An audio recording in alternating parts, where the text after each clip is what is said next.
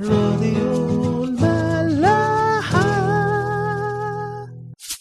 اديتور دعم.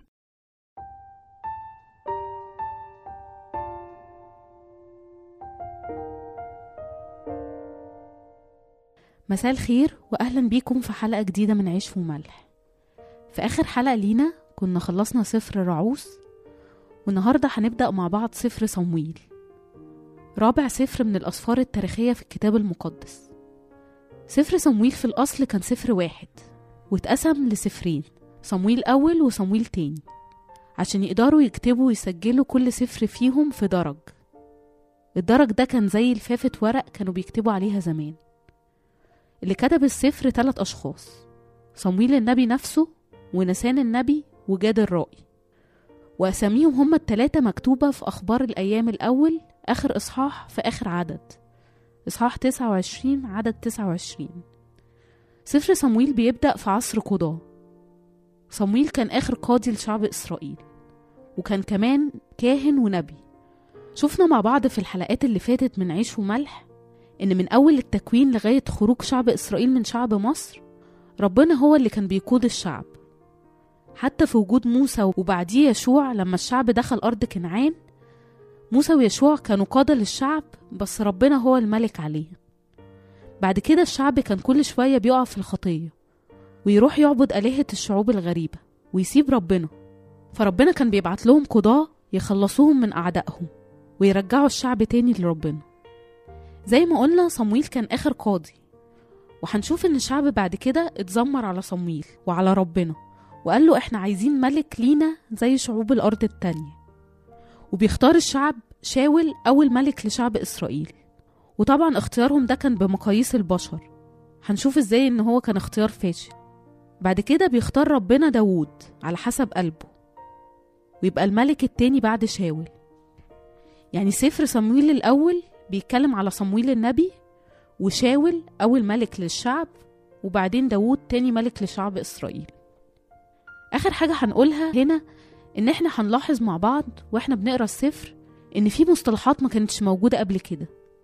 السفر بيقول كتير قوي على ربنا إنه رب الجنود وبيسمي الملك مسيح الرب.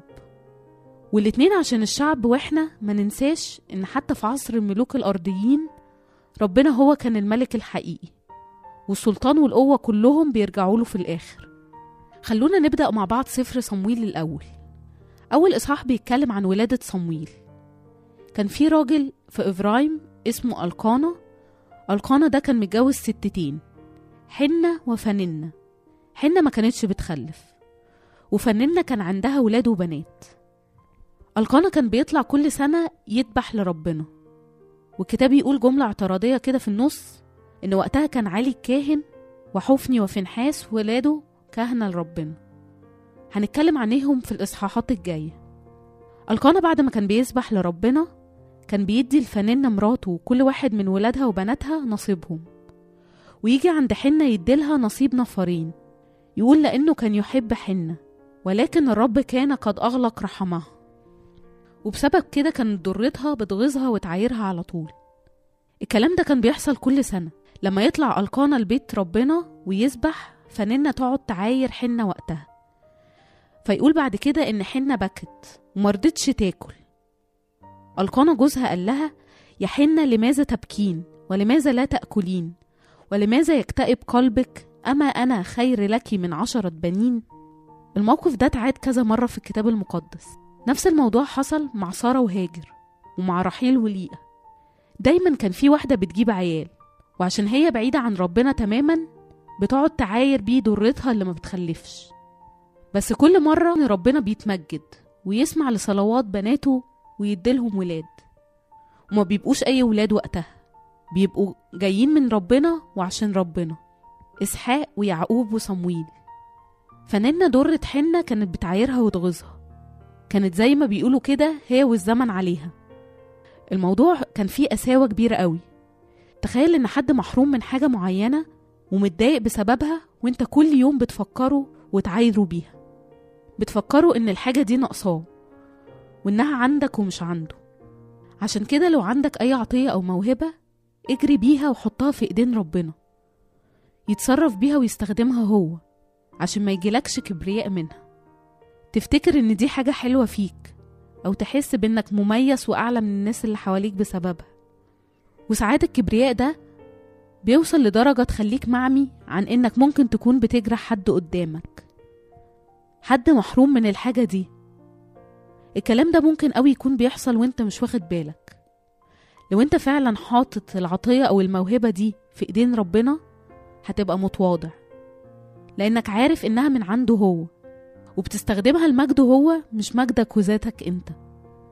بولس في رومية 12 يقول فإني أقول بالنعمة المعطاة لي لكل من هو بينكم أن لا يرتقي فوق ما ينبغي بل يرتقي إلى التعقل كما قسم الله لكل واحد مقدارا من الإيمان. فإنه كما في جسد واحد لنا أعضاء كثيرة ولكن ليس جميع الأعضاء لها عمل واحد. الآية دي بتبين الكلام اللي فات اللي إحنا قلناه إن لو حد عنده عطية أو موهبة معينة ما يتكبرش بيها. بس الموضوع ما وقفش عند كده. بيقول بعديها إن زي ما الجسد فيه أعضاء كثيرة مش كل عضو عنده نفس العمل. ساعات لو حكمنا أو بصينا بطريقة سطحية وأرضية هنحس إن في ظلم بيحصل. ناس عندها حاجات كتير قوي وعطايا كتيرة وناس تانية محرومة من الحاجات دي. ويمكن من حاجات تبان لأي حد مهمة جدا محدش يقدر يعيش من غيرها. بولس هنا كان بيتكلم عن المواهب ومقدار الإيمان وقال بعدها إن كل واحد ليه عمل مختلف. نفس الحكاية ممكن نطبقها على أي عطية ربنا بيديها للناس في الدنيا. اللي عنده عطايا لازم ما يتكبرش بيها. وفي نفس الوقت أكيد كل واحد فينا عنده عطية مختلفة عن التاني. عمرك ما هتلاقي حد من غير عطية أو وزنة ربنا في متى 25 في مثل الوزنات إدى وزنات للكل. كل واحد على حسب طاقته واستعداده. المهم أنت هتستخدم الوزنات اللي اداهالك دي إزاي. واحد بياخد وزناته ويكبرها ويضاعفها وواحد تاني بيدفن وزناته في الأرض. ودي المشكلة اللي حصلت مع الراجل اللي ربنا اداله وزنة واحدة. بدل ما يتاجر بيها قال إن السيد ده ظالم. ودفن الوزنة ومعملش بعطية سيده أي حاجة. فننة كانت بتعاير حنة بنقطة الضعف اللي عندها. بس الكتاب بيقول إن جوزها كان بيحبها أكتر من ضرتها وكان بيكرمها أكتر من التانية كمان. كان حنين قوي عليها ويقول لها أما أنا خيرا لك من عشرة بنين ممكن قوي تكون حاسس بإنك ضعيف زي حنة إنك فيك عيب أو حتى عيوب كتير. مش بنقول إنك يجيلك صغر نفس بس لو أنت متواضع اتضاعك ده بيديك نعمة في عينين ربنا وعينين الناس اللي حواليك. صلي كل يوم لربنا إنه يستخدم عطاياه ومواهبه ليك لمجد اسمه. ولو حاسس إنك محتاج عطية أو موهبة معينة صلي كتير عشانها. لو أنت قريب لربنا أكيد هيبين لك. يا إما إن العطية دي مش مناسبة ليك وإن دعوتك مختلفة أو هيديها لك في الوقت والظروف المناسبة. ما سمعناش عن حد طلب عطية وموهبة في الكتاب المقدس وهو ماشي في طريق ربنا فعلا وربنا مردش عليه. يمكن بولس لما طلب من ربنا يشفيه من شوكة في الجسد ربنا قال له لأ أنا عايزك كده لأن قوتي في الضعف تكمل. بس مش معنى كده إن ربنا بيرفض على طول. بالعكس ربنا استجاب لصلوات ناس كتير قوي سواء في الكتاب المقدس أو في حياتنا لغاية دلوقتي.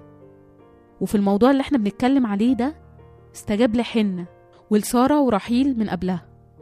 المهم انت عايز الحاجة دي ليه؟ وهتعمل بيها إيه؟ خليك واثق ان ربنا بيديك اللي في صالحك. هو مش واقف متكتف أو معندوش عشان يديك. بس هو يهمه خيرك وخلاصك أهم من أي حاجة تانية. لقى 11 المسيح يقول إن اللي هيصلي ويصمم هياخد. وبعدها يقول فمن منكم وهو أب يسأله ابنه خبزا أفيعطيه حجرا؟ أو سمكة أفيعطيه حية بدل السمكة؟ أو إذا سأله بيضة أفيعطيه عقربا؟ فإن كنتم وأنتم أشرار تعرفون أن تعطوا أولادكم عطايا جيدة.